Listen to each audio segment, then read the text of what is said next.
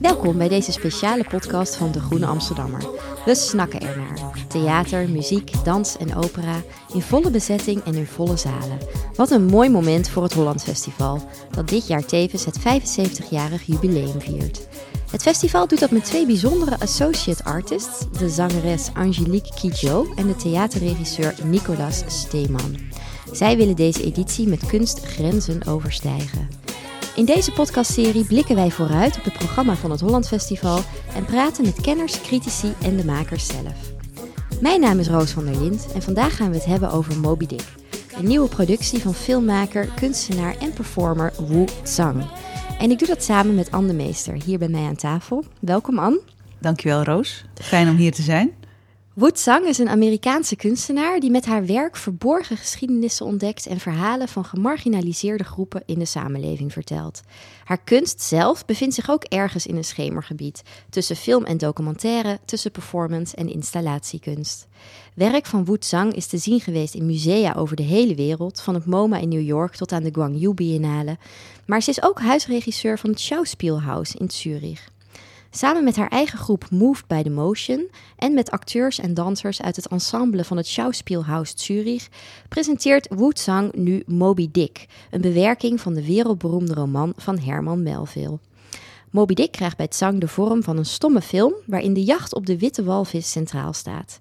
De muziek is geschreven door Esma Maroof en de Amerikaanse componist Caroline Shaw en deze zal op het Holland Festival live gespeeld worden door het strijkorkest Brugge. Ik ben blij dat bij mij aan tafel zit Anne de Meester. De meester is letterkundige, kunstcritica en museumdirecteur.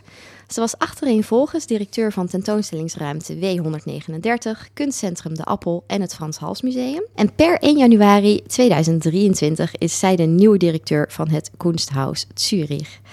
Nou Anne, welkom nogmaals. Fijn dat je hier bent. Ik begreep dat je net terug bent uit Zurich. Ben je al een beetje in Zwitserland, stiekem? Ja, ik doe wat ze dan slow onboarding noemen. Ik ben er anderhalve week per maand, maar het is alles behalve slow. Het is nogal intens. Dan spreek ik vooral mensen in het kunsthuis en ook daarbuiten om meer gevoel te krijgen van wat loopt er, wat speelt er, wat is er relevant, hoe zit, uh, hoe zit Zurich en Zwitserland in elkaar, maar ook hoe, uh, hoe functioneert het museum dat ik straks mag leiden. Dus het is uh, een, echt een, een diepte diepteervaring. Nou, dat klinkt heel, heel spannend. En ben je dan ook al bezig met de programmering voor, voor je nieuwe museum?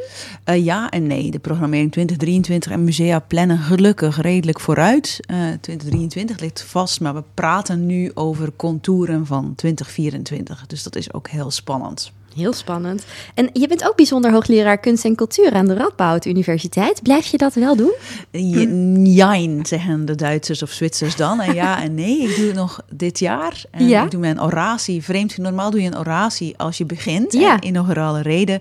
Maar ik doe een oratie samen met professor Hanneke Groteboer. Als ik eindig, het komt echt door ah. corona. Ja. We zijn gelijktijdig begonnen. En uh, nu, ja, nu zijn we twee jaar verder. En mijn uh, termijn loopt zo af, want alles online doen met studenten is niet zo fijn. Nee. Dus uh, op 13 mei aanstaande geef ik mijn oratie over het Transhistorische Museum. Nou, fantastisch. Heel mooi. Um, iemand die ook in Zurich werkt is Woet Zang. En een tijdje geleden was je het gast bij een radioprogramma, Panorama Zondag. En daar vertelde jij dat Zang een van jouw favoriete kunstenaars is. Kun je ons vertellen wie is uh, Woet Zang en hoe heb je haar leren kennen? Ja, ik heb Zhang leren kennen via een, een student van de Appel, Christina Lee, een curator uit Hongkong, die heel nauw met haar heeft samengewerkt.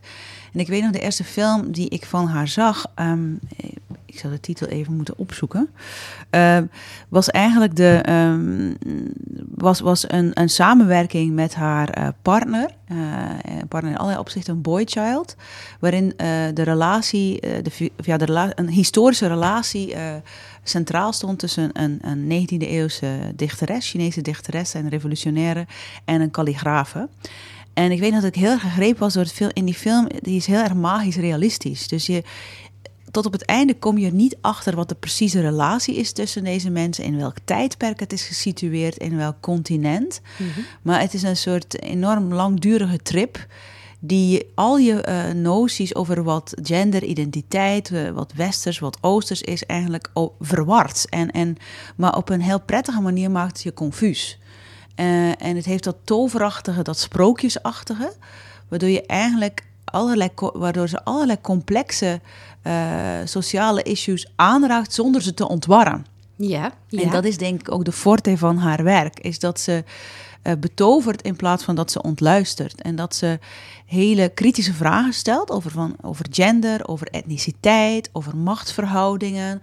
Uh, maar daar eigenlijk geen oplossing voor biedt. En ik denk in een tijd zoals nu, waarin alles heel erg gepolariseerd is, ook deze discussies, en waarin mhm. mensen bijna bang zijn om uitspraken te doen of zelf na te denken, is dit werk een verademing. Uh, om, omdat het, uh, ja, ja, omdat het dus de heel erg de, de in-betweenness ja. die Woodsang zo mm. belangrijk vindt, in between alles, ja. dat is de kern van haar werk. En, en, en dat in een soort uh, beschermen bijna van niet categoriseren en niet het verlangen hebben, oh ik, ik, begrijp dit en ik kan het in een hokje stoppen. Mhm. Dat is denk ik een heel waardevolle les uit dat werk, maar dat is ook wat het heel erg intrigerend maakt. Ja, ja want die in-between is inderdaad, dat noemt zij echt als de kern van haar werk. En dat zit zowel in de onderwerpkeuze als ook in de vorm die ja. kunstwerken zelf aannemen, toch? Ja, heel vaak bedoel haar film een soort docu-fantasy genoemd. Hè, van oh uh, documentaire en fantasie. Ik noem ze vaak een soort magisch-realistische vertellingen. Uh, waarin uh, muziek, dans, beweging, cinematografie ook naadloos in elkaar overlopen. En dan, ik denk als je het dan zo weer zou willen klassificeren, zou je zeggen, ah, ze werd heel erg multidisciplinair en grensoverschrijdend. Ze maakt ja. kunstwerken.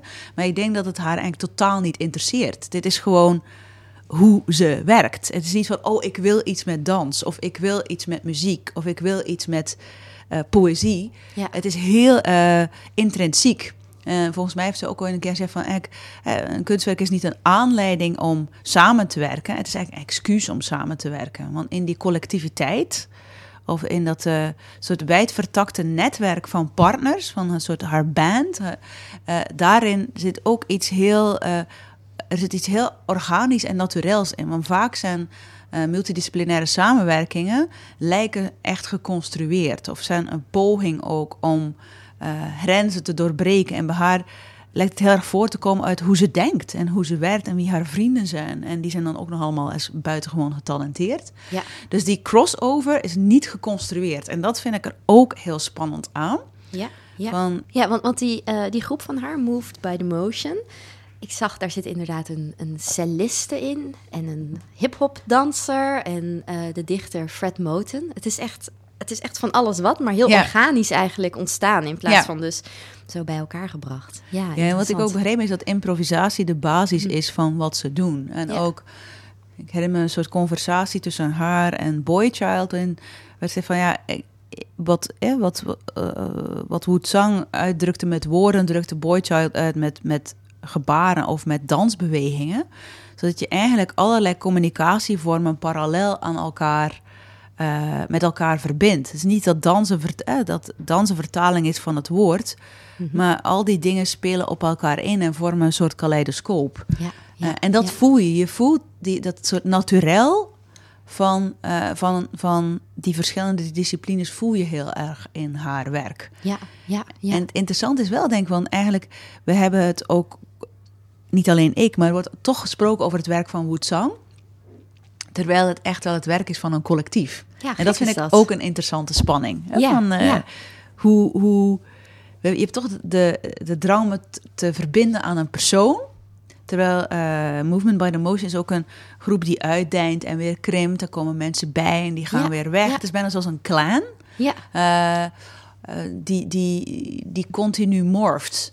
Uh, maar zowel blijkbaar zij als wij als toeschouwers of als mensen, als programmeurs, hebben toch ja, te verbinden aan Woedzang. Het is niet movement by the motion, het is Woedzang en movement by the motion. Terwijl we toch echt in de tijd van collectieven zitten. Dus ze zouden ervoor kunnen kiezen waarschijnlijk om toch gewoon het collectief als, als naam te voeren. Hè? Dus dat, maar ook dat eh, vind ik weer spannend, dat het tussen wij en ik, dat ook dat weer de hele tijd vervloeit. Hè? Dus, um... Ja, heel mooi. Zijn er kunstenaars met wie we haar kunnen vergelijken? Heb jij, heb jij haar ergens toch in een hokje zitten? Nee, dat probeer ik niet. Want ik ben zelf ook heel erg toch iemand die wil categoriseren en begrijpen en analyseren. En dat probeer ik bij haar gewoon eigenlijk niet te doen. omdat ik denk dat het het werk hm. ook reduceert. Ja. Uh, en, dat je, en daarom vind ik het nu ook heel spannend dat ze in de context van het Schauspielhaus en het Holland Festival in een andere context gaat opereren. Want kijk, in de museale wereld eh, wordt toch de nadruk uiteindelijk gelegd op de film- en videowerken. Omdat Ja. performance zo ongrijpbaar is en zo momentgebonden. En het komt uiteraard in musea ru- ruimschoots aan bod. Maar het blijft toch altijd een voet, voetnoot. Het is nooit de kern. En ik Ja. denk het mooie van eh, nu de producties voor het Kunsthaus, eh eh, Schauspielhaus, sorry, ik noem wel Kunsthaus, ik probeer het gewoon eh, toe te eigenen. En Holland Festival is dat daar de performance wel de essentie is, terwijl het toch weer een film is. Ja, dus, ja, eh, ja, inderdaad. Ja, zij is artist in residence bij Ja. het Schauspielhaus. Eh, wat is haar functie daar? Weet je dat? Hoe dat Wel, dat wat gaat? ik, wat ik heb begrepen is dat het, het is best ingrijpend. Want eh, wat de huidige intendanten van het Schauspielhaus hebben gedaan... is onder andere Wu Tsang en Trajal Harrell... Mhm. echt een, een, een residentie, een langdurige residentie aangeboden van minimum drie jaar. Ah, oké. Eh, waarbij ze hun eigen team meebrengen, maar ook werken met het ensemble van het Schauspielhaus. En dat is dus super ingrijpend voor iedereen. Dat is ingrijpend voor de kunstenaar, die in, plotseling in de context van een theater werkt. En ik denk dat we allemaal weten dat theaters toch nog best rigide zijn. Hè, van wat maak je, op welke manier maak je, hoe lang mag het duren, Ja. wie is daarbij betrokken. En iemand die zo organisch en fluïde werkt als Wu Tsang, eh, dat het best ook wel wat spanning veroorzaakt. En omgekeerd ook voor het ensemble werken met iemand die zo eh, transgressief denkt. Eh, alleen maar in mogelijkheden lijkt me ook best, dat weet ik niet, maar dat is mijn gevoel, Ja. dat dat best ook wel wat spanning veroorzaakt, maar wa- waardoor het huis ook verandert. Want ik weet wel van, eh, van de intendanten, hun, hun idee was ook van wij willen het schouwspeelhuis echt eh, van bottom-up inclusiever maken. Niet alleen maar hè, Niet alleen iets toevoegen. niet alleen iets echt- toevoegen, niet Ja. alleen maar eh, regisseurs, dramaturgen, acteurs uitnodigen die een, een veelheid aan stemmen vertegenwoordigen, Mhm. maar ook dat onze organisatie verandert. Ja. Eh, dus verder gaan dan symboolpolitiek, verder gaan dan je nodigt iemand uit en die geeft je dan de mogelijkheid om het podium te pakken en dan daarna, retour à l'ordre, gaan we het weer Ja. doen zoals vroeger. Ja, ja. Dus dat vind ik er ook fascinerend aan. Ik weet niet precies hoe het werkt achter de schermen. Maar ik weet wel dat het de intentie is. En dat dat, dat betekent ook altijd wrijving en frictie. En eh, je zet eigenlijk alles in beweging. En dat is denk ik het mooie aan dit eh, artist in residence Van dit is eh, niet. Dat is, het is niet iets dat je er bovenop zet. Dat zet je, dat duw je erin. Ja, En dat ja. betekent dat de verandering immanent is en, en, en langdurig. Ja, nou dat lijkt Zang echt op het lijf geschreven volgens mij. Eh, want misschien is het aardig om het te hebben over een van haar eerste werken. Of in, elk- in elk geval, ik denk haar bekendste werk, Wildness. Ja. Ehm, dat is een film uit 2012 en dat gaat over een, ehm, een bar eh, voor de LGBT-Latino-gemeenschap in een buitenwijk van LA, eh, genaamd The Silver Platter. En eh, nou, ik had er graag iets van willen laten horen, een fragment, maar het is helemaal in het Spaans, dus ik dacht dat heeft dan waarschijnlijk niet zoveel zin. Eh, maar de Silver Platter is een heel onop, onopvallend gebouwtje eigenlijk op de hoek van een straat, dus echt in een buitenwijk. Een beetje shady. Wat trok Tsang daarin aan? Ja, dat weet ik niet. Ik weet alleen dat zij samen met een aantal vrienden eh, daar eh, feesten organiseerde onder de noemer Wildness. Ja, En dat die heel breed en inclusief waren. En eigenlijk een soort thuishaven voor mensen die misschien in het hele soort binaire, de binaire maatschappij waarin we leven, zich nooit echt comfortabel of bekweem, zoals het Duits zeggen, konden voelen. Dus het werd een soort hub voor mensen van allerlei, met allerlei transgressieve identiteiten. En Ja. zij functioneerden daar ook als een soort host. Dus eigenlijk was ze de curator van die avonden, maar ook de gastvrouw. Hè, van, was het, eh, en wat geweldig is in die eh, film, is het is aan de ene kant heel documentaire. Je ziet de Ja. eigenaren aan het woord. Mensen leggen uit waarom ze het zo prettig vonden, wat ook de transformatie is geweest. Maar ook het gebouw zelf wordt een personage. ja, Eh, en dat, dat maakt het uitermate spannend en ook wel sprookjesachtig. Dat je denkt van, oh ja, Ja. die plek ziet er redelijk random uit. Maar eh, omdat, er ja, omdat daar een traditie wordt opgebouwd, eh, gaat het in de muren zitten. hè? Ja, en gaat het, ja. ook, gaat het gebouw als een soort acteur of karakter ook leven. en het spreekt ook, hè? Het spreekt ja, tot het spreekt ons. ook letterlijk tot ons. Ja, ja. Eh, en ja, dus ik, ik weet niet wat, wat er specifiek, wat die plek voor haar betekende, maar wel hoe ze het samen met het collectief aan vrienden heeft getransformeerd. Ja, ja, ja. Ja, heel interessant, hè? Want het was eigenlijk al een plek voor transvrouwen en hele kwetsbare mensen ook. Hè? Mensen die zowel angst hebben. Ze zijn veelal ongedocumenteerd, wat ik begreep uit de film. En die zijn bang om gedeporteerd te worden. Dat gebeurt ook in de film. Iemand verdwijnt op een gegeven moment. Ehm, maar ook voor familie waar ze soms uitgesloten zijn. En ook voor vreemden op straat waardoor ze bedreigd worden. Het, zijn echt, het is een hele kwetsbare gemeenschap. En ehm, dat is toch ook al wat om daar dan een kunstwerk mee te maken. Ja, ik, denk, ik, ik vermoed, maar dat zou zij hm. beter kunnen vertellen dan ik, dat het heel organisch was. Omdat dit ook een deel van haar levenswerk was. En wat je in de film ook wel merkt, is het is ook een plek van vreugde en plezier en muziek en drag. En, heel erg. Uh, dus het is ik denk dat het, dat het uh, in tegenstelling tot een echte documentaire die misschien het schrijn, de schrijnende aspecten alleen zou uh, benadrukken, is het ook een soort jubilation en celebration. Toch? Van dit is een plek van vreugde en, en, en plezier en jezelf kunnen zijn. Wat je ook denkt dat je bent op dag 1 of op dag 2. Ja. van, uh, het is een, een thuis. Ja. ja, het deed me ook wel denken aan Paris is Burning ergens. Hè? De documentaire, dat is echt een documentaire over de folk uh, movement in New York in de jaren 80. Ballroom scene. Ja, de ballroom scene met ook allerlei gemarginaliseerde groepen die zich daar thuis voelen. Maar toch is het heel anders inderdaad. Ja. Het, is echt, het is toch echt een kunstwerk als je het nu als film bekijkt. Ja, en ik denk ook misschien, kijk, die film komt denk ik uit 2000 12? 12, 2012. Ja. Uh, er is natuurlijk ontzettend veel veranderd tussen 2012 en 2021. Ja. En ik denk de hele discussies die we maatschappij breed voeren over, uh, over gender, over uh, identiteit, zijn zo veranderd. Ja. En in die zin is die film die, de film is, heel, is gemaakt in 2012. Mhm. En ik denk dat het toen voor veel mensen een soort exotisch karakter had. Bijna uh, een inkijkje in een echt andere wereld, die voor de doorsnee gemiddelde bezoeker van een museum echt wezensvreemd was. En daardoor extra uh, aantrekkelijk of bevreemdend, hè, van een soort paradijsvogelwereld. Uh, maar alle onderwerpen die die film aanraakt, die zijn in 2021 veel meer topical geworden, breed in de samenleving. Dat, dat is ook interessant. Deze film is veranderd doordat de tijd is veranderd. Ja.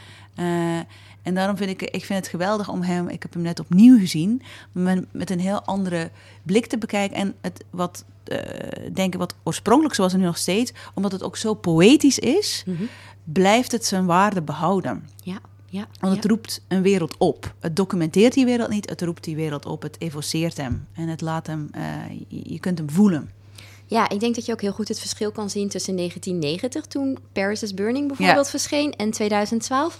Want op Paris is Burning is ook wel kritiek gekomen. Dat uh, waarom had de maker de mensen in de film niet betaald? En waarom was zij zelf helemaal buiten beeld gebleven? Ja. En dat vind ik zelf ook zo interessant aan Wildness. Dat Wu Zhang is zelf ook een personage. Ja. Een personage, ze is er gewoon. Ja. ja.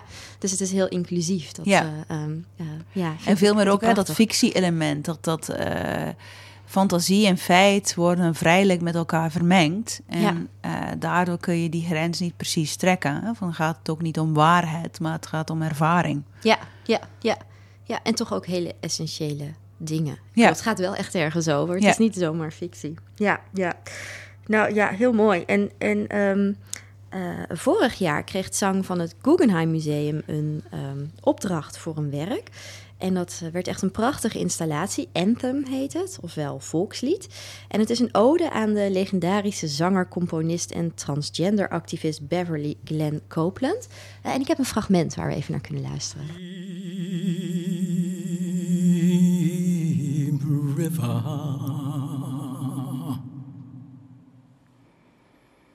My home is over especially like in this moment, it's a song that has an important history in America. Spirituals are things that are kind of the root of most popular music, really. And so people have this relationship to it without necessarily understanding the history of it and the significance of it. Oh, don't you want to go? Before it was a nation building project or like propaganda, anthems were actually spiritual call and responses to sort of galvanize people to each other or have a sense of connection to each other. And so that's such an old idea of something that I think a lot of us have I don't want to say we've given up, but it's like it's good to be reminded that music can do that because the word anthem could just be the most um, manipulative thing, but I don't think it has to be. It could also be something that's creating openings. And Glenn's music really does that for me. It creates possibilities of connection. Ja, die, deze, het is een film en daarop geprojecteerd zien we uh, Glenn Copeland uh, zingen. En um, uh, die film werd in het Guggenheim geprojecteerd op een ontzettend lang gordijn... dat helemaal vanaf het middelpunt van de rotonda... van dat spiraalvormige gebouw zo naar beneden hing... Um, ik begreep bij een eerder werk van Woedzang, dat werd ook geprojecteerd op gordijnen, dat dat nog een knipoog is, altijd nog naar de Silver Platter en het, de stage daar. Ja. Uh, dat is prachtig. Um, en zij zegt hier dus dat Glenn Copeland, um, uh, dat zij in zijn muziek de mogelijkheden van connectie, dat ze dat zoekt. En verderop in dit fragment vertelt ze ook dat ze zelf filmmaken ziet als een manier om haar eigen talent in te zetten om andere mensen een platform te geven. Die samenwerking en dat zoeken naar connectie is heel essentieel voor haar. Nee, ik denk aan de ene kant iets waar, waar je aan refereerde, Roos, en ook in Anthem is dat hele ritualistische. Hè? Want het is heel ritualistisch werk. Alsof je, je bent getuige van soort processen die zich voltrekken. En je weet dat die betekenisvol zijn, maar je weet niet precies wat er gebeurt. Dus het heeft een soort plechtigheid. Eh, maar het brengt ook ontroering met zich mee. Net zoals je in de kerk kunt zitten als je niet gelovig bent en toch geraakt worden door bepaalde handelingen, omdat die ook een uitstraling hebben. En dat je weet dat het ergens een diepte en zin heeft, ook al begrijp je het niet. En dat is denk ik ook heel sterk in wat je net liet horen en zien in Anthem. En het andere is dat in alles wat zij doet, werkt ze samen met andere mensen op een heel natuurlijke manier, zonder dat het geforceerd is. Hè? Zonder dat je denkt van, oh ja, dit is nu een multidisciplinair initiatief, waarbij de kunstenaar ook een choreograaf en dichter heeft uitgenodigd, hè? omdat dat zo hippe crossovers zijn. Ja. Want je voelt bij haar dat dat is hoe ze denkt en hoe ze leeft. En dat dat dan dus ook in het werk komt. Niet omdat ze daar een extra component bij wil. Dus poëzie en choreografie en gebaar en muziek en house en uh, dat vloeit allemaal in elkaar over. Zonder dat je er zelf maar bewust van bent. En alles staat in het teken, vind ik, van dat soort dat ritualistische. Ja. Uh, waardoor het ook heel gevoelsmatig en affectief werk is. Want omdat het zo referentieel is, hè, heel vaak verwijst naar historische figuren, naar ja. activisten. Naar, uh, denk je heel vaak, oh, ik moet het intellectueel benaderen. Ja. Ik, moet, ik moet weten wie dit is en ik moet dit achterhalen. En ik moet een soort uh, discoursanalyse doen. Ik moet aan het werk. Terwijl het eigenlijk ook heel affectief is. En dat wat ik zelf vind, dat de ervaring van zo'n performance is dat je hem eerst ondergaat en daarna ja. gaat nadenken. Want Ja. anders blokkeer je in het proces. Dan wil je het te cerebraal uh, benaderen. En dan mis je eigenlijk volgens mij een van de meest uh, belangrijke aspecten. Is dat ze je echt uh, helaas kunnen, of ja, beeld en gebaar kunnen altijd veel meer sneller betoveren dan woord. Woord zit in, in een in een onmiddellijke betekeniszone. En omdat ze eigenlijk dat allemaal zo moeiteloos combineert, alsof het off the cuff is, uh, creëert ze een, een heel bezwerende totaalervaring. Ja, ja. En haar werk is ook gespeend van enige vorm van ironie, ja. volgens mij. Dat vind ik zelf een, een verademing. Ja. Uh, je kan het echt tot je nemen, dit werk. Ja. En, um... Daarin je kunt ook zwelgen. Hè? Van, het ja, is ook best ja. sentimenteel. Ja. Maar op een positieve manier. Ja, ja, en er zit eigenlijk geen addertje onder het gras van. Nee. Goh, je luistert hier nou mooi naar, maar of zo. Ja, dit nee. is de hidden message. Ja, ja, nou, heel mooi. Uh, laten we het hebben over Moby Dick. De voorstelling is zojuist in première gegaan in het Schauspielhaus, maar wij hebben hem nog niet kunnen zien. Uh, dus dat praat best lastig. Ja. ik zag wel enthousiaste recensies. Heb jij al uh, geluiden gehoord? Ja, ik hoorde vanuit Zurich heel veel positieve geluiden sinds Ja. 12 maart. Maar ja, het, het is gewoon een soort mystificatie, want je wil er nu dichtbij. Hè? Ja. Van, eh, je wil weten, want wat ik zei van, kijk, een, een, een schilderij kun je nog beschrijven en denken dat je er enige notie van hebt. Maar bij zo'n performance gaat het toch om het fysieke aanwezig zijn en het zelf ervaren. ja. En het gaat dit, dit keer niet om een gemeenschap of om een uh, bestaand persoon, uh, zoals zij heel vaak in haar werk uh, doet, waar ze zich mee ver verbindt. Maar dit keer gaat het dus over een roman, een van de Great American Novels. Ehm, jij bent ook letterkundige, Anne. Ja. Kun je ons vertellen over Moby Dick? En, en waarom denk jij dat dit boek haar uitnodigde tot een bewerking? Heb je Ja, daar het een is idee van? fascinerend. Ik heb zelf Moby Dick moeten lezen en met heel veel moeite. Want ik, Ja. ik moest, ik, je weet gewoon, dit werk is heel betekenisvol voor eh, het, eh, het Amerikaanse nationale gevoel. Maar ik moest me vooral heel erg eh, door de passage die de walvisjacht beschrijven. En die zijn heel taai. En heel aanwezig. Ik moest me er echt doorheen worstelen. En ik Ja. vond het zo...